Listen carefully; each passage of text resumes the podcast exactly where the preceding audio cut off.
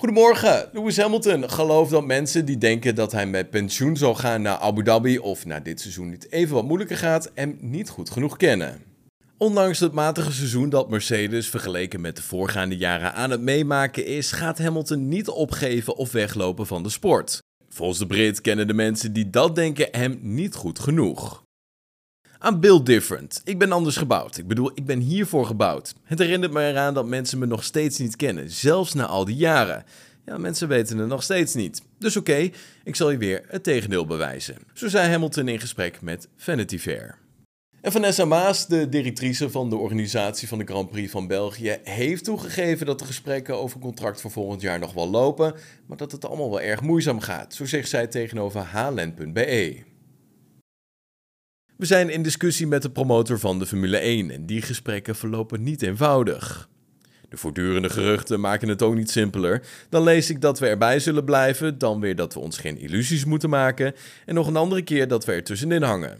Ja, voorlopig is de toekomst van de Grand Prix van België dus nog erg onzeker. Laten we er daarom maar extra van genieten komend weekend, want dan staat namelijk die Grand Prix op het programma. Ja, misschien een goed moment om het tijdenschema met jullie door te nemen. Vrijdag 26 augustus begint om 2 uur de eerste vrije training. En om 5 uur kunnen we genieten van de tweede vrije training. Zaterdag om 1 uur is het tijd voor de derde en laatste vrije training. En om 4 uur gaan we van start met de kwalificatie voor de race op zondag, want die begint op zondag namelijk om 3 uur in de middag. En voormalig haascoureur Nikita Mazepin maakt zich op voor zijn rechtszaak tegen de Amerikaanse renstal. De Rus zit nog altijd te wachten op uitbetaling van de achterstallig loon en kiest voor de rechtbank om zijn gelijk te halen. In nasleep van de Russische invasie in Oekraïne heeft Haas eenzijdig het contract van Mazepin opgezegd. Niet alleen de coureur moest het ontgelden, ook het bedrijf van Mazepin Senior, Urakali, werd van de auto verwijderd. Het Amerikaanse team is met beide partijen verwikkeld in een rechtszaak.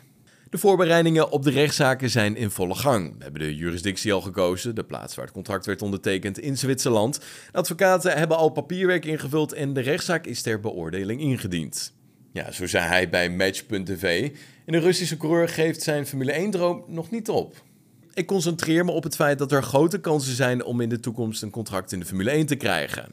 Ja, het is niet bekend of er überhaupt teams zijn die geïnteresseerd zijn in de diensten van Mazepin, maar zelf heeft hij genoeg argumenten voor een re-entree. Ik ben 23 jaar en als je kijkt naar mijn resultaten in de Formule 3 en de Formule 2 met tijd en ervaringen, maak ik een veel grotere sprong dan mijn rivalen. En op basis van die ervaring kijk ik met vertrouwen uit naar de toekomst. Al dus Nikita Mazepin.